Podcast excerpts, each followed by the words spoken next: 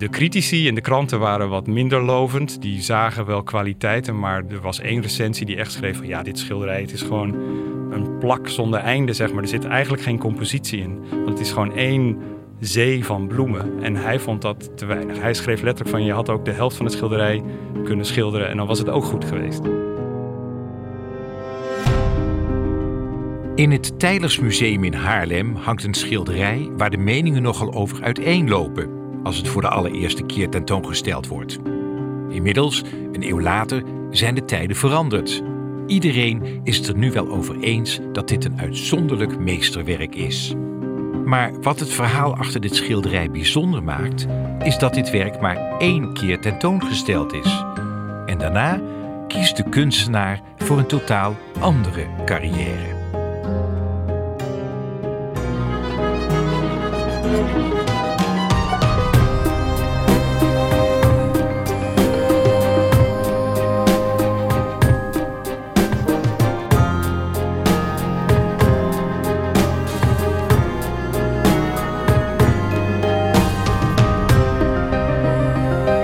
Luistert naar Topstukken, de podcast over de mooiste kunst en cultuur van Nederland. Mijn naam is Albert Verlinde.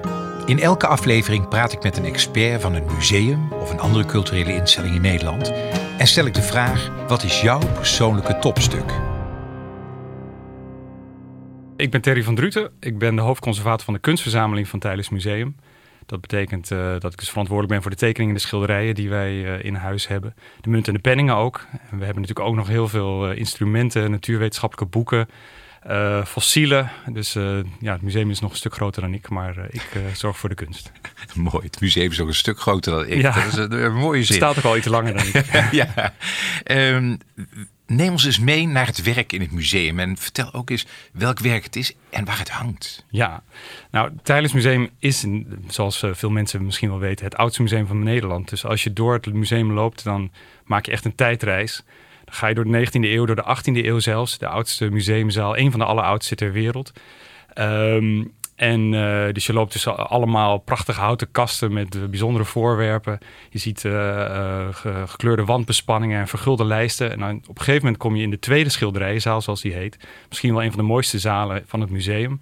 Terracotta wandbespanning, houten lambrisering. Er staat een champagnekleurige gouden bank eigenlijk in het midden van de zaal met potpalmen erbovenop. Dus je bent echt helemaal in zo'n 19e eeuwse salonsfeer. En daar hangt het dan ja, we noemen het soms wel de nachtwacht van ons museum, de tuin van Jacobus van Looy. De tuin van Jacobus van Looy in die prachtige ruimte. Omschrijf het eens. Wat, wat zien we op dat schilderij? Um, nou, je kijkt eigenlijk over een enorme wijdse bloemenzee. Het is een prachtig zonnig schilderij. En je ziet een enorme bloeiende, ja, wijdse zee van Oost-Indische kerst. En ik zeg wijd en ik twijfel een beetje, omdat dat geeft misschien de indruk dat je ook heel veel lucht en dergelijke zou zien. Maar dat zie, je dan eigenlijk gek genoeg juist weer niet. Dus je kijkt echt alleen maar in die bloemen. En dan ergens in de verte zie je nog een mevrouw zitten met een grote uh, rieten hoed op. Die daartussen uh, ja, aan, het, uh, aan het werk is of de bloem aan het plukken. En, en het is echt een, een soort van ja, een impressie van, van, van een zonnige zomerdag. En je, je waant je in Zuid-Frankrijk of iets dergelijks. Maar het is eigenlijk een heel klein tuintje in, in de Rustenburgstraat in de Amsterdamse Pijp. Echt waar? Want ik, ik, ik, je hebt het hier voor je liggen op een foto, hè? Niet, het, niet het schilderij. Maar het is inderdaad alsof je denkt, ik ben in Zuid-Frankrijk. Het is gewoon in Amsterdam. Ja, het is gewoon in Amsterdam geschilderd. In de Pijp, in de nieuwbouwwijk in die tijd. 1893. Dus dat was, werd daar net allemaal vers uit de grond gestampt. En uh, het was een klein lapje grond, 6 vierkante meter. En, uh, en uh, daar heeft hij het ook echt in de buitenlucht geschilderd. En het was een soort gevecht tegen de natuur, zei hij. Uh, uh, ja, echt, hij moest echt vechten tegen de tijd en zorgen om dat allemaal op dat doek te krijgen. Het is echt behoorlijk groot formaat. Het is iets van, uh, van 2 bij 1,5 als ik me niet vergis. Je wordt er helemaal als het ware overwoekerd door die, door die Oost-Indische kerst. Maar als je goed kijkt, dan zie je dat er ook nog heel veel detail in zit. Die bloemen zijn prachtig geschilderd. Het is allemaal heel los en heel vrij, maar toch echt met heel veel... Ja, je ziet de stampers en je ziet de kleurverschillen in de bladeren. En dan als je nog beter kijkt, dan zie je dat er bijen en vlinders en dergelijke tussen vliegen. Dus sommige van die bloemen zijn eigenlijk helemaal geen bloemen, maar zijn vlinders die ah. rondom Titia van Gelder, de vrouw van Van Looy, die in het midden zit, die in het midden bloeit, zoals hij het uh, zelf al eens ah, dat is mooi. Ja, toch? Ja. Ehm, en dus wat doet zij daar? Ja, nou ja, wat ze precies doet, dat kan je eigenlijk niet goed zien. Maar ik denk, ik denk zelf dat ze daar bloemen zitten plukken of iets dergelijks. Dat, dat moet haast wel, toch? Ja. En het is opvallend dat het vlak zo vol is. Hè? Want normaal dan heb je lucht of je zit, het wordt een beetje geplaatst. Als ik naar Van Gogh of ook Monet, Monet kijk, dan zit er altijd wel iets omheen. Hier bijna niet. Nee, het is heel mooi opgebouwd, juist ook. Want uh, je zou dus denken, het is puur en alleen maar zo'n vlak bloemen. Maar op de voorgrond is een heel klein stukje bruine grond. En helemaal rechtsboven in de hoek zit nog een heel klein vlakje donkerblauw.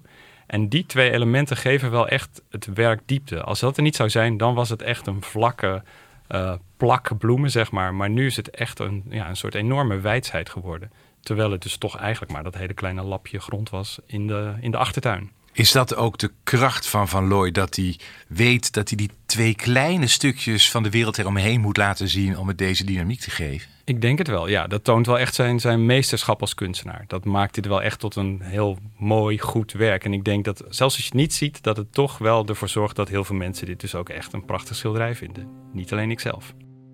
De Looy heeft de tuin geschilderd aan het eind van de 19e eeuw. Een tijd waarin de natuur steeds meer onder druk komt te staan Zeker in een grote stad als Amsterdam. Amsterdam dijde uit eigenlijk voor het eerst uh, sinds eh, de 17e eeuw dat de stad weer echt groeide. En dat uh, de, de, zeg maar de industriële revolutie ook in Nederland toesloeg. En dat er echte verstedelijking weer was. En ja, die mensen moesten natuurlijk toch ergens wonen. En nou ja, de, Van Looy en Titia die woonden daartussen in, in de pijp. En dat was hun, uh, hun omgeving. Maar, maar ja, hij vertaalt het dus wel naar uh, zo'n prachtig schilderij. En dat is wel heel typerend ook voor zijn tijd. Dus je, je hebt iets in de buitenwereld, een, mooi stuk natuur, een, een, mooi landschap, een mooie, mooie straat of een, een, mooi vergezicht of een mooie tuin. En die wil je vangen. Dat gevoel eigenlijk wat je, wat, je, wat je krijgt als je daarin staat, dat wil je vastleggen in verf en doek. En, en, en overbrengen op ons als toeschouwers. En nou ja, als iemand dat gelukt is, dan is het Van Looy met dit schilderij.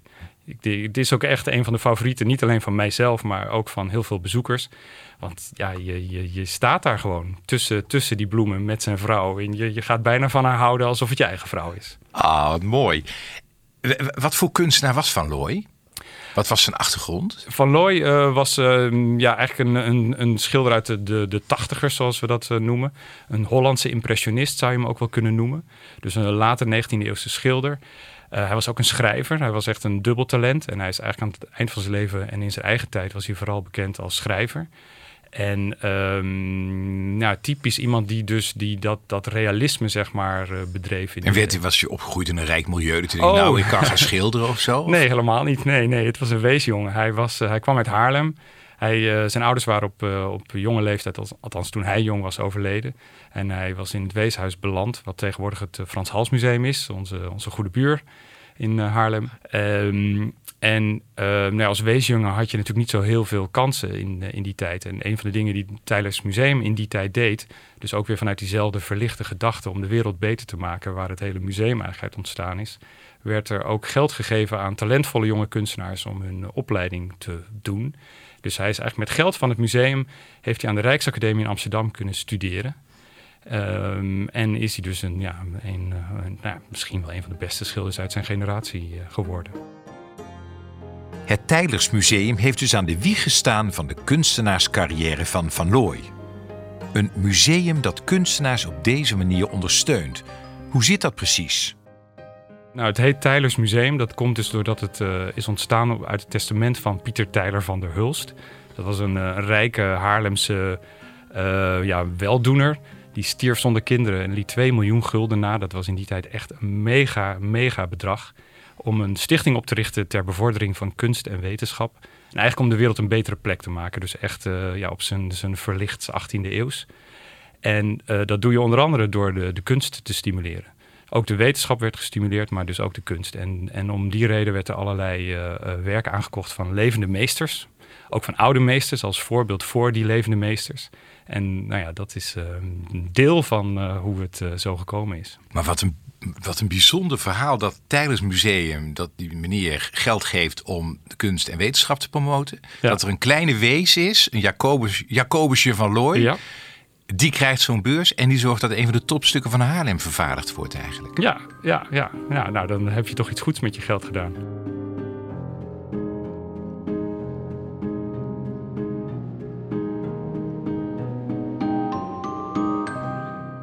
Wat voor emotie krijg je bij dit schilderij?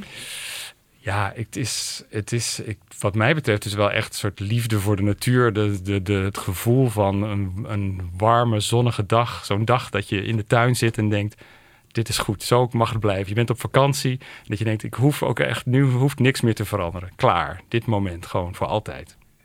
Zonnige tijdloosheid. Zoiets, ja.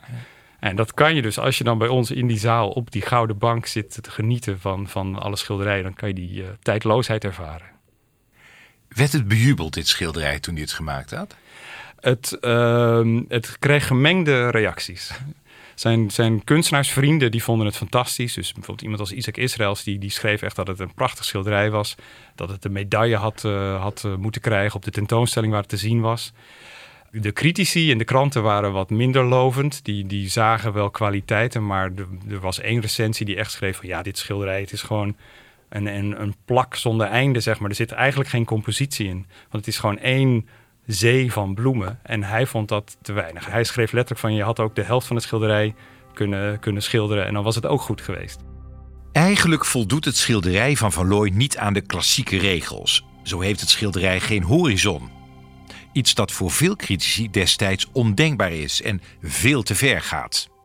Daar ben ik het niet mee eens. Daar waren zijn vrienden het dus ook niet mee eens.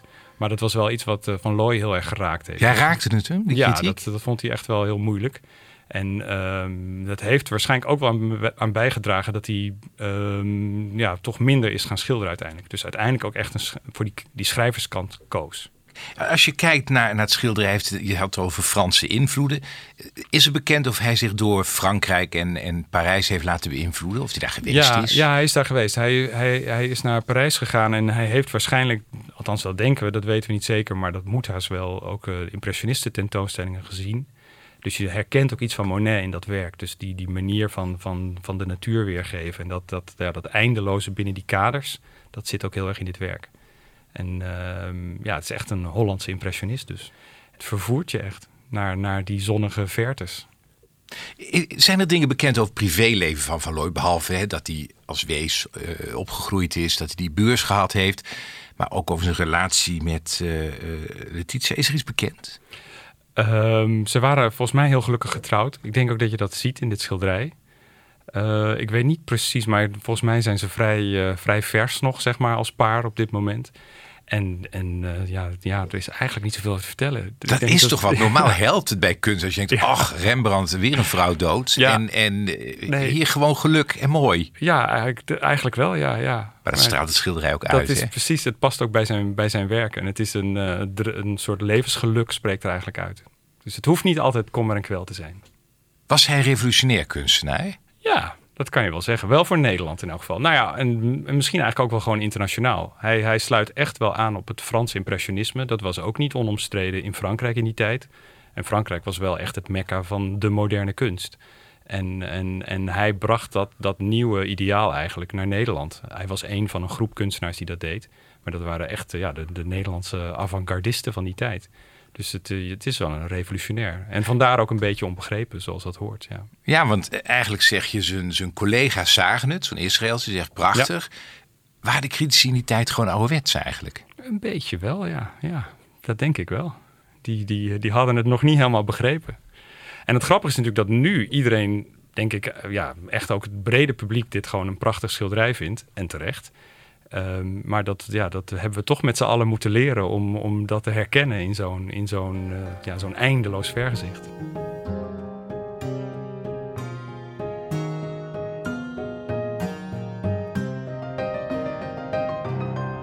Je had het al over zijn schrijverskant. Wat voor schrijver was het? Want ik vind het zo raar als je zo mooi kunt schilderen. Ja, met alle respect, waarom ga je dan schrijven? Nou ja, sommige mensen kunnen dat toch? Ja, Michelangelo kon schilderen, beeldhouden, architectuur bedrijven en ook nog uh, gedichten schrijven. Dus nou, uh, hij was eigenlijk een, een, schrijver net zoals dat hij schilderde. Dus echt een realist, maar dan wel in de zin van dat, dat onder dat realisme ligt altijd gevoel.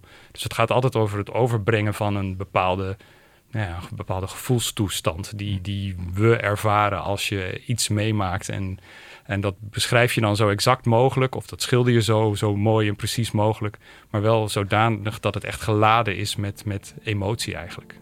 Van Looy verruilt dus de kwast voor de pen.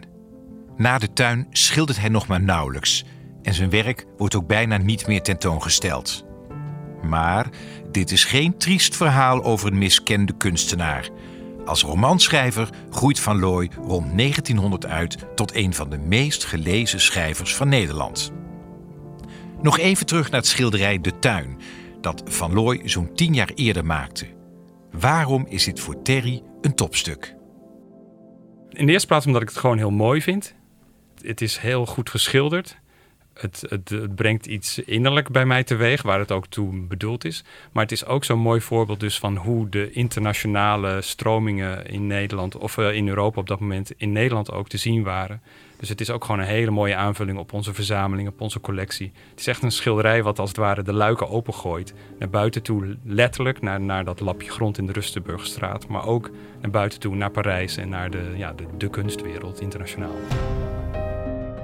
Je luisterde naar Terry van Druten van het Tijders Museum. En dit was Topstukken, aangeboden door de Vriendenloterij, de cultuurloterij van Nederland.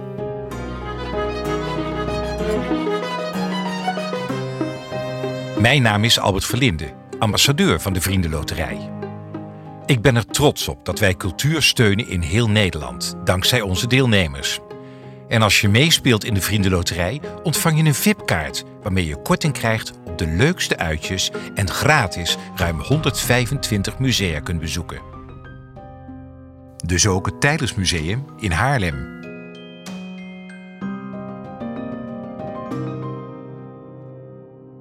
Benieuwd naar meer mooie verhalen? Abonneer je dan gratis op Topstukken in je favoriete podcast-app of ga naar topstukkendepodcast.nl.